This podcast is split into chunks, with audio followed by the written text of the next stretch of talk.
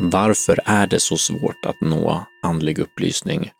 Jag valde att eh, ställa även den frågan till ChatGPT eh, och sen tänker jag att jag ska resonera lite kring det. Och svaret på varför det är så svårt att vakna upp eller nå andlig upplysning då, som jag beskrev det är enligt eh, chattboten att andlig, andlig upplysning eller andligt uppvaknande är en personlig och subjektiv upplevelse som är svår att definiera eller mäta på ett objektivt sätt. Det finns flera faktorer som kan göra det svårt, så först bara en beskrivning om vad det är, så man vet vad det är. Jag skrev upplysning från början bara och då eh, började prata om upplysningstiden ungefär. 1. Begränsningar i mänsklig medvetenhet. Människan är begränsad i sin förmåga att förstå det som utanför sin egen uppfattning och erfarenhet och det kan vara svårt att förstå andliga koncept och erfarenheter om man inte upplevt dem själv. Ja, det kanske inte är så jättebra förklaring tycker jag, den här första punkten, att det kan vara svårt att förstå andra koncept, så är det ju. Ehm, och erfarenhet om inte upplevt dem själv. Ja, det gör det såklart svårt, om, jag, om det är så de menar. Det är svårt att förstå andlig upplysning. Vad är det för någonting? För det är ju eh, min egen upplevelse och vad många traditioner beskriver som att vakna upp i en dröm. Så många av de här koncepten. Jag själv brukar försöka använda begrepp som är så stort, eller så i mångt och mycket i alla fall, tänker jag, kan beskriva någonting som faktiskt människor kan uppleva oberoende eh, av ett andligt uppvaknande eller liknande. För alla människor drömmer och eh, människor kan bli vakna i en dröm och det är extremt synonymt med ett andligt uppvaknande, för att inte säga identiskt. Vi vaknar upp och eh, blir varse om att vi drömmer ungefär. Så det går att relatera till ett och två går även att uppleva för gemene man, kvinna, hen. Men eh, många av de här koncepten som beskriver upplevelsen av att vakna upp på det sättet att som kan komma med att allting är rätt exempelvis. Det kan kännas som att eh, ja, men allting är kärlek bara eller olika känslor upplevelser och så som kan komma med och det är även sånt som till stor del kan komma i eh, att vakna upp i en dröm då på natten. Också att rädslor försvinner. Människor säger att det är lite som en dröm eller som en illusion och sådana saker kan vara svåra att förstå i sig självt. Det kan låta nästan psykotiskt eller knasigt, konstigt, eh, världsfrånvänt. Men eh, i kontexten av en dröm så tycker åtminstone jag att det blir lite lättare. Men eh, det här att vi alla är ett eller eh, det finns inget jag.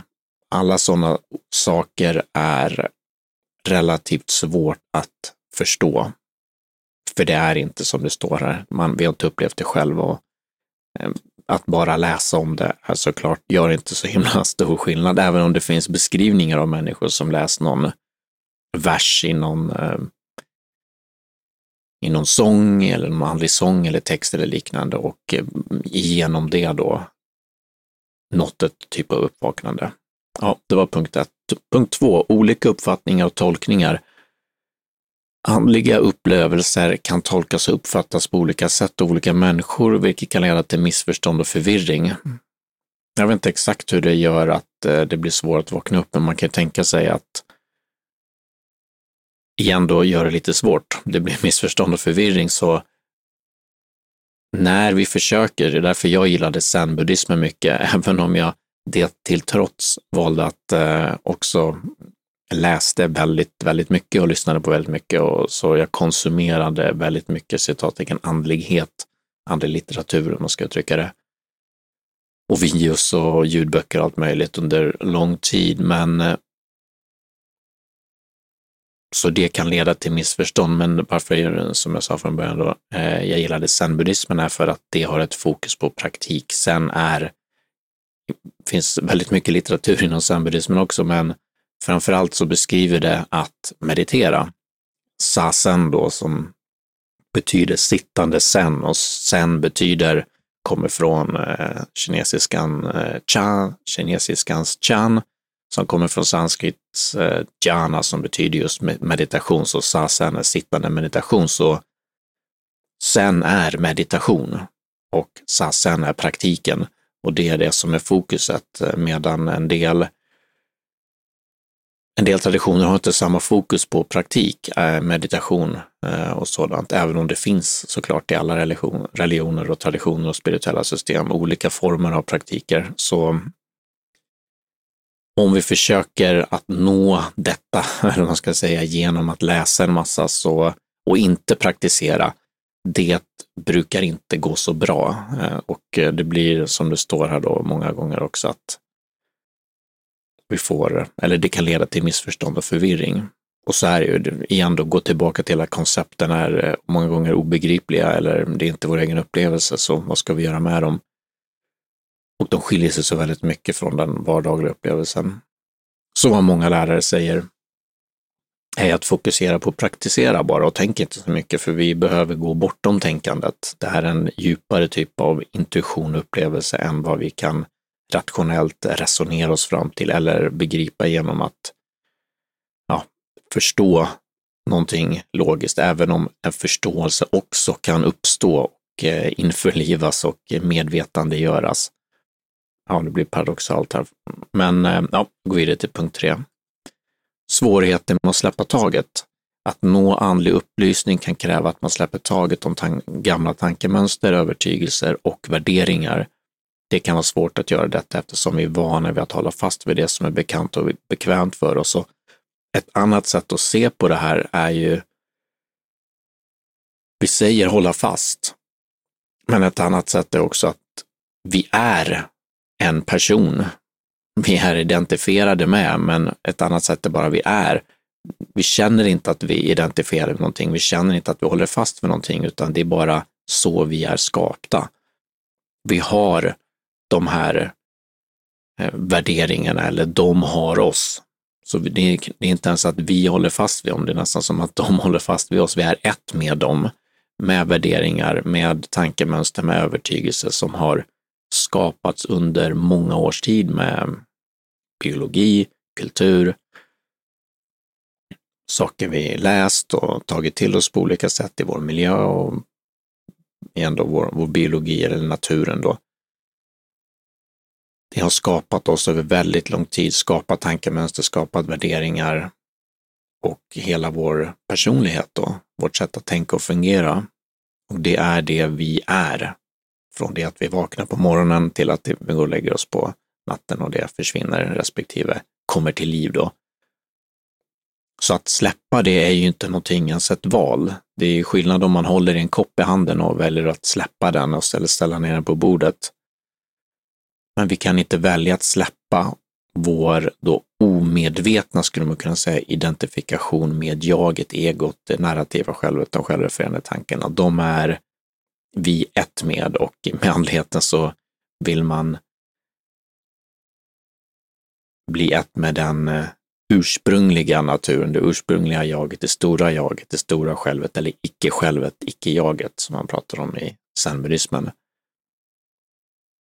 Och det är svårt eftersom det här har då skapats och eh, vidmakthållits över så lång tid. Så det tar ja, lika lång tid eller enligt vissa traditioner livstider. Men det kan också gå snabbare att då bli kvitt den här, vissa pratar ju om att döda jaget, egot eller som med andra ord de här tankemönstren, övertygelserna, värderingarna. Eller att nirvana det som jag ibland brukar säga, ja, det kanske någon annan som säger också, men eh, att vi tar bort det eller det får upphöra. Nirvana betyder just upphöra cessation. Så att när vi mediterar, när vi riktar vår uppmärksamhet mot våra tankemönster, mot våra övertygelser, våra, mot våra värderingar, i en noting-praktik exempelvis, eller att vi bara fokuserar på en praktik som inte är att tänka, inte tänka på våra värderingar och övertygelser som vi normalt sett gör utan att ens försöka. Så om vi försöker istället att praktisera då, räkna andetagen, fokusera på andetagen eller på kroppen, kroppens sensationer eller på tankar för den delen eller någon, något mantra eller liknande. Då riktar vi uppmärksamheten från det här mot någonting annat, mot nuet, mot mot jaget kan det vara också. Jaget som kommer till slut innan det här andra kommer. För det finns någonting som var där innan de här tankemönstren kom, innan övertygelserna, värderingarna, jaget, narrativa självet kom. Det har uppstått. Vad fanns innan det? I sen eh, buddhismen igen då finns det ju en koan som är just eh, hur såg ditt ansikte ut innan dina föräldrar föddes? Det är samma sak. Vad var du innan tankemönstren? Och det är ju som en koan då i zenbuddismen som en olöslig fråga.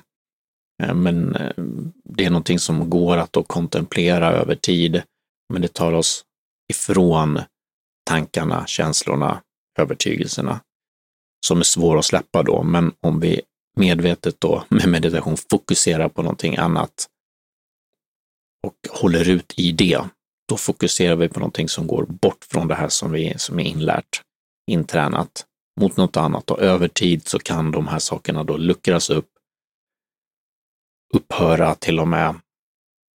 Åtminstone då identifikationen med det, för övertygelser eller värderingar och sådant tankemönster tenderar ju inte att upphöra helt, med vår identifikation då med det.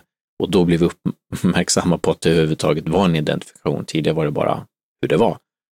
Men sen kan man mer och mer se det, notera det, som sker, likt hur vi ser ett glas så ser vi tankar, vi ser beteendemönster, vi ser hur vi är som personer men är inte längre, känner inte på samma sätt att det är jag. Och det är svårt då. Det är en sak som gör det svårt att eh, vakna upp. Så, eh, punkt fyra, bristande tillgänglighet av resurser. Okej, okay. Det kan vara svårt att få tillgång till resurser som kan hjälpa oss att nå andlig upplysning, såsom rådgivning eller stöd från en mentor eller lärare. Ja, så så är det också. Föds vi i en tid där det överhuvudtaget inte finns någonting om andlighet och upplysning så kan det vara, blir det såklart svårare. Finns det inga böcker eller har vi inte tillgång till sådant eller mentorer för den delen också, inte dementorer. Ehm, och, eh, eller lärare, då blir det svårare. För vi behöver hjälp från vår omgivning. Tendera behöver det. Det finns ju de som lyckats med det helt själva utan någon hjälp allt nästan. Hjälp alls nästan. Men de flesta, även andliga lärare bakåt i tiden som Buddha och Jesus och andra, de hade också viss hjälp. Så um, har vi inte det så blir det svårare eller bara livsomständigheter skulle man kunna säga som eh, möjliggör ett introspektivt eh, liv. Om vi är fullt upptagna av saker, ibland kan det vara att vi lurar oss själva, men då har vi inte kanske resurser att inse att vi faktiskt har en viss tid som vi skulle kunna lägga på det. Men om vi faktiskt inte har det, vi lever i stressig miljö och av olika skäl inte har tid att lägga på meditation exempelvis, som tenderar att vara bästa sättet eh, att eh, ägna sin tid om man vill vakna upp, eller åtminstone ett av dem. Ett som tenderar behövas, eh, behöva inkluderas i alla fall i en andlig, en holistisk syn på andligt uppvaknande. Ja, så resurser då var punkt nummer fyra. Punkt nummer fem är vägen till upplysning är ofta inte lätt, står det. Andlig upplysning är inte något som uppnås över en natt. Det kan kräva hårt arbete, självreflektion, tålamod och uthållighet. Så det igen, då går ju tillbaka lite grann till eh, både att det är krångligt, svårt med koncepten, eh, det kan vara svårt att förstå, man kan bli trött på det, irriterad. Men också det här att även våra personliga egenskaper, det är lätt att tro att vi bara kan välja saker, men vår biologi sätter begränsningar också, som var punkten innan här med resurser. Vi kan se vår biologi som en resurs, vi kan se vår, våra livsomständigheter som en resurs, våra ekonomiska resurser, vi har människor omkring oss och så vidare. Men även eh, tålamod och uthållighet är ju, eh, tillhör ju vår personlighet som åtminstone delvis är definierad av eller ett resultat av vår biologi. Vi föds med en viss typ av personlighet och vissa är mer tålmodiga och uthålliga bara kan ta åt sig äran för det också. Eh, eller inte, och det är också delvis eh, biologiskt. Det faktum att man väljer att ta åt sig äran eller inte då. och vi kan vara på andra sätt då tvärt emot, och då får vi svårare. Eller bara, eh, igen då, omständigheter som gör det svårt för oss, som vi inte heller rår över. Så hårt arbete, självreflektion, tålamod och uthållighet krävs det så för vem som helst och även någon som är då tålamodig och uthållig och eh, har självreflektion så är det, brukar det för de flesta i alla fall vara väldigt mycket hårt arbete. Det är tungt att ägna många timmar över många år, många dagar, år, månader och så vidare åt något sådant. För den här processen som beskrevs innan här, att eller som jag pratar om i alla fall, en upplösning eller släppa taget, är inte någonting kul, för det är inte som en kopp i handen som vi håller i handen, utan någonting som i princip sitter fast i oss. Och att ta bort det är att, typ, om man vill tänka på det på det sättet, metaforiskt dra det ur oss och det är inte skönt. För de flesta. Det finns någon här och där, det är så med nästan allt här i livet att det finns eh, alltid undantag. Men för majoriteten människor så brukar det vara en, en rätt jobbig process att gå igenom en sån här mm, transformation, eller man ska uttrycka det. Så, vägen till upplysning är ofta inte lätt. Så sammanfattningsvis säger chattboten är det svårt att nå andlig upplysning eftersom det är en subjektiv upplevelse som kräver öppenhet och förståelse för andliga koncept och erfarenheter. Så det är också en grej och igen, Eh, personlighetspsykologi, så openness to experience är ett av personlighetsdragen i eh, the big five som det brukar kallas. Eh, ibland använder man akronymen OCEAN, openness to experience är det första då, sen finns det conscientiousness, extroversion, introversion, eh, agreeableness och neuroticism tror jag det är. Så de fem karaktärsdragen eller personlighetsdragen föds vi med en viss mängd av och den tenderar inte förändras över tid. Dock kan openness to experience ibland förändras lite grann och det är väl mest omtvistade också av de eh, personlighetsdragen. Vad man också sett faktiskt är att psilocybin, eh, aktiva gränsen i magiska svampar, verkar förskjuta openness to experience mot lite, något mer det, av det. Så om man vill ha mer av det så kan inte jag säga att man ska ta någonting som är olagligt, men eh, datan säger att det verkar vara så. Eh, och det verkar vara ihållande också, vilket är ganska extremt för personlighetsdrag är någonting som igen då är djupt biologiskt och eh, förändras inte hur som helst.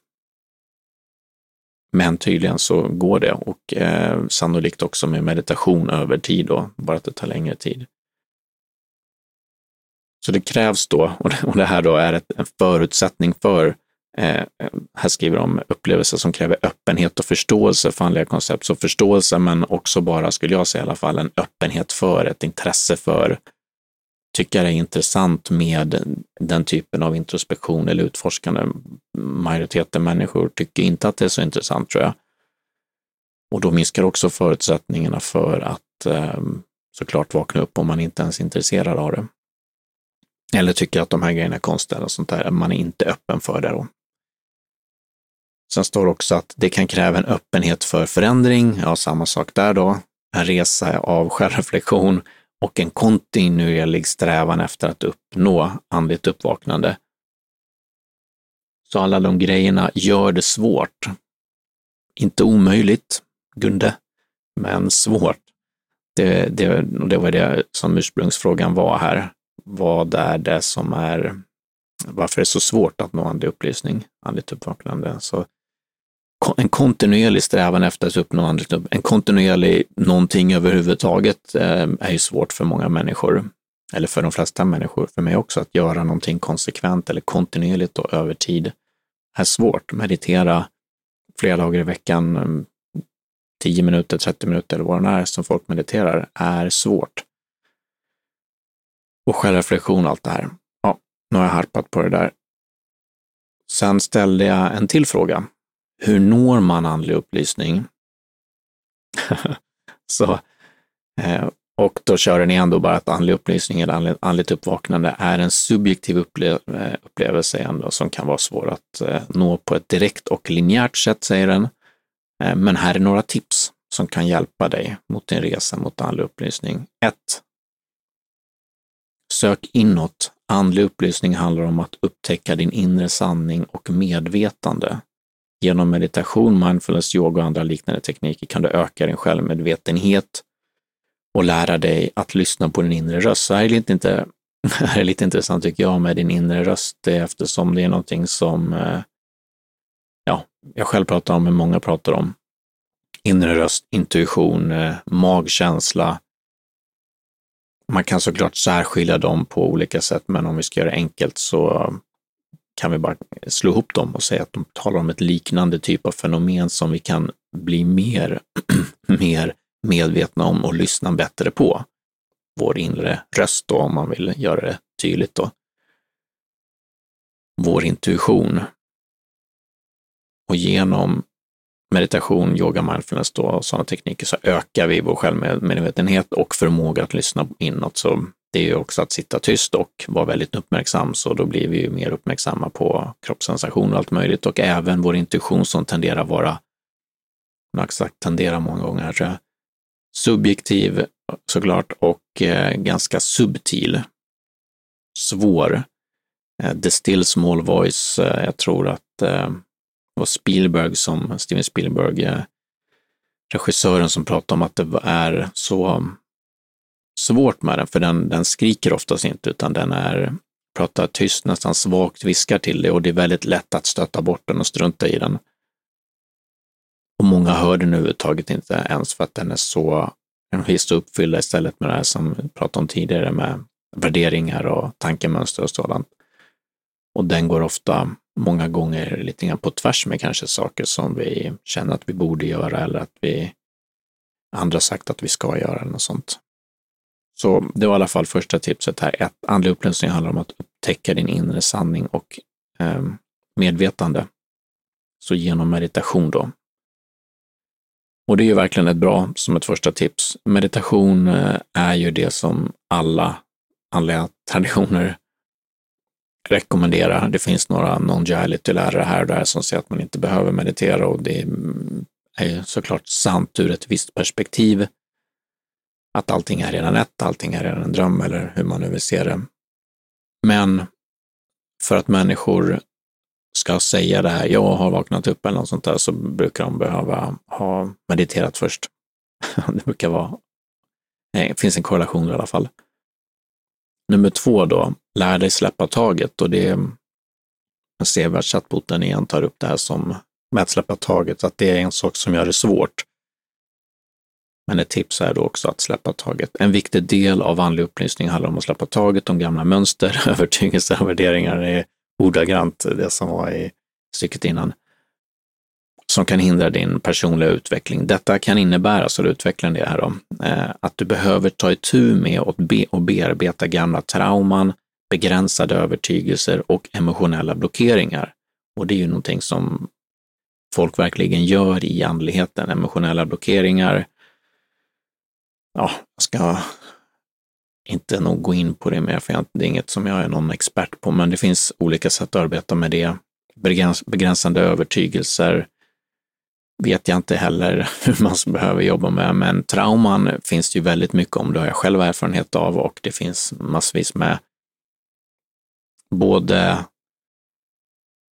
erkända terapiformer, eller man ska säga, som rekommenderas av eh, allt från Socialstyrelsen till eh, eh, samhällskroppen samhällsgruppen i stort till mer alternativa modeller som kanske inte är i Sverige lika vanligt, men i andra länder är det vanligt och rekommenderas där, likt eh, traumafokuserad eh, kognitiv beteendeterapi rekommenderas här.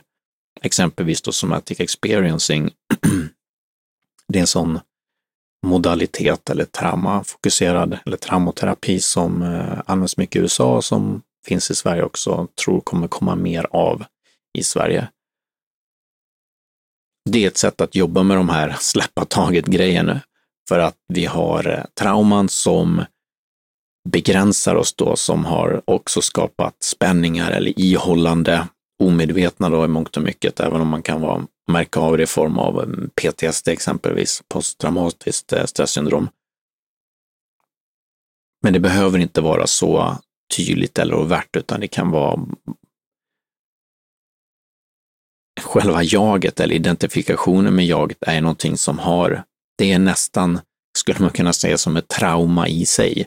Inte att ha en personlighet, en biologi och så, men att eh, om vi ska se det på det sättet, så här metaforiskt, att vi är Gud och sen så blir vi mm, instängda i en eh, kropp och eh, begränsade till den och eh, förstår inte vad som händer. Det är ett typ av trauma, eller födslotrauma. Många som håller på med födslotrauman och sånt säger, menar att det också är det, att födas är det. Och sen så fortsätter det då. Så även om inte människor har så här tydliga trauman, något, eh, från allt från övergrepp, påkörd bil, mm, någon som dör som är nära, den typen av svåra saker, Även om människor inte har det så har de varit utsatta för saker som gjort det jobbigt och gjort att vi dragit ihop oss. Ja. Så det är en sån sak som att eh, vi lär oss släpp, släppa taget egentligen genom att ge det uppmärksamhet, ett sätt att se på det.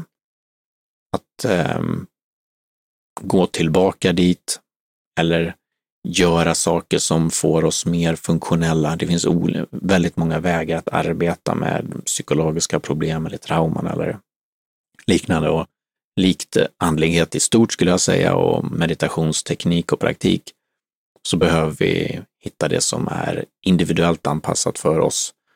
Och det finns ju inte att någon bara kan säga vad som är individuellt anpassat för oss, för det är ingen som har gjort något för oss, men vi behöver undersöka själva då, utforska vilken terapimetod funkar för mig och vilken meditationsmetod, om jag vill meditera, eh, funkar för mig.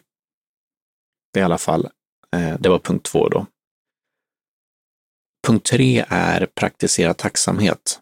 Att fokusera på det som du är tacksam för i ditt liv kan hjälpa dig att uppskatta det som är viktigt och värdefullt i ditt liv. Ja. Ehm, säger, genom att praktisera tacksamhet kan du också öka din positiva energi och öppna upp för nya erfarenheter och möjligheter. Positiv eh, eller tacksamhet är ju någonting som faktiskt är bevisat då, vad man ska säga, i eh, positiv psykologi som är ett akademiskt fält så har de undersökt eh, hur tacksamhetsövningar påverkar oss.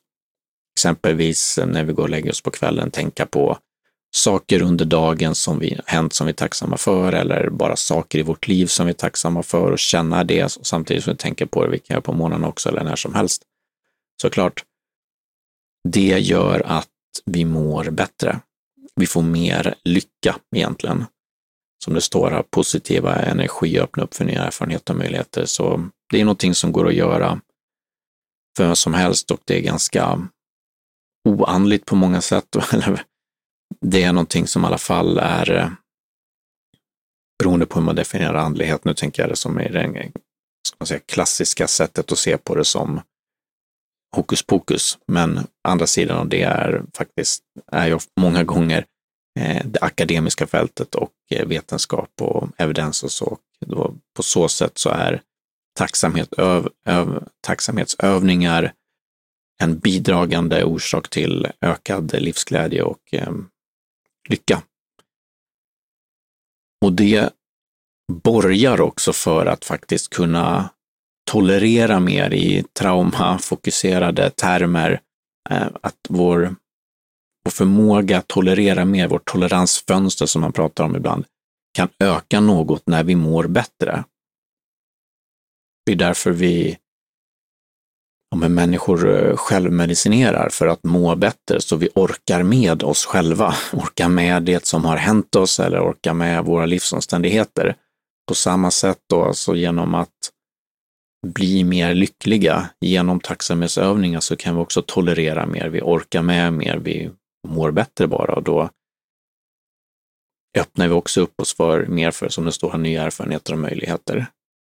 Så det är en, också en väldigt bra praktik som de, som de har med här. 4. Sök kunskap, att lära dig om olika andliga traditioner och filosofer eh, kan hjälpa dig att få en djupare förståelse för din egen andlighet. Böcker, föreläsningar, seminarier och samtal med andra kan alla bidra till att öka din kunskap och medvetenhet. Ja, det tror jag också i stort, att det är bra att få någon typ av eh, kontext för den andlighet man själv i alla fall är intresserad av eller den andliga sökandet man är intresserad av. Och bara att läsa om saker kan hjälpa oss att återfokusera på det. Det kan ju finnas eh, de som är lite mer absolutister som menar att det enda vi ska göra är den andliga praktiken. Vi gör eh, tacksamhet, tacksamhetsövningar kanske, vi mediterar, vi gör goda gärningar och sen behöver vi inte läsa någonting egentligen, utan det är det enda som är viktigt. Och så, det skulle jag nog hålla med om att vi kan, om det är någonting vi bara ska göra så är det praktiken. Att läsa filosofer och läsa om olika traditioner är ju inte det viktigaste. Det är kanske, kan det vara 10 procent, skulle jag gissa då. Men det kan vara någonting, det kan vara skönt, det kan också vara underhållande, bara om vi ska ändå göra någonting på dagarna eh, när vi inte mediterar och inte jobbar eller vad man nu gör. Så att bara läsa, lyssna på andra lärare kan vara trevligt. Men kanske inte att det direkt leder till så jättemycket alla gånger. Men det finns vissa studier också som jag har sett, eh, jag kan inte referera till dem, men utan bara prata, som menar på att skapa en kontext i våra sinnen eller ett typ av nätverk, en karta över, eh, ska man säga, det som kan hända kan göra att när vi väl går igenom andlig uppvaknande, spirituella processer och sådant, så har vi någonting att referera till. Vi har läst om att vi kan gå igenom eh, Dark Night of the Soul, själens eh, dunkla natt, eller vad det heter på svenska, exempelvis, så vi kan eh, Ibland kanske kan det bli en spiritual bypass eller något liknande, eller vi skulle behöva söka hjälp, men det kan också vara att vi bara förstår eller har en typ av förståelse av att det här hör ihop med det. Vi kan se, ja men det här är det här, nu försvinner jag-upplevelser. Ehm, vårt jag, min identifikation med jaget försvinner och vi blir kanske inte lika rädda då heller för den typen av upplevelser, för vi har kanske det vi sökt efter, eh, under jättelång tid och då blir vi bara glada. Medan en annan person som inte har något koncept överhuvudtaget om andligt uppvaknande eller vad det skulle kunna innebära, eller hur det blir för personen, kanske blir rädd. Och då, när vi blir rädda, ja då stänger vi ner och då kanske vi blir eh, något traumatiserade av det och den andliga upplevelsen. Så att ha någon typ av karta över det kan vara en hjälp också då som de är inne på det. Sök stöd är femte punkten här. Att ha ett stöd från mentorer, lärare och eller gemenskap kan hjälpa dig att navigera mot, på din resa mot andlig upplysning. Att prata med andra som har erfarenhet och kunskap inom detta område kan hjälpa dig att hitta riktning och inspiration. Så det är också en sån sak att och en andlig lärare kan ju faktiskt göra det här som vi pratade om, att individen passar det. Du kan ju själv testa dig fram, men du kan också prata med någon som kanske kan mer om det och eh, kan rekommendera någonting. Det gör inte att du, tycker jag i alla fall, borde avsäga din, din egen autonomi, auktoritet, intuition och så. För det är svårt för andra att verkligen veta säkert. Du vet själv bäst i slutändan, många gånger i alla fall, så länge det inte har med olika typer av beroenden och andra saker. Svårt att veta, men det kan vara väldigt bra. Det kan vara väldigt bra med lärare, det kan vara bra med mentorer och olika typer av stöd. Ett community eller en grupp av människor som håller på med samma sak kan också vara, alltså som det står här, prata med andra som har erfarenhet och kunskap inom detta område kan hjälpa dig att hitta riktning och inspiration då bara. Och sen avslutar han med, det är viktigt att komma ihåg att andlig upplysning är en personlig resa och att det inte finns någon citattecken rätt väg att ta. Det kan, ta, eh, det kan ta tid och tålamod att nå andlig upplysning, men genom att praktisera medvetenhet, släppa taget om det som inte längre tjänar dig och söka kunskap och stöd kan du öppna upp för nya erfarenheter och möjligheter på din andliga resa. Så det sista som jag tar idag och eh, säger tack och hej.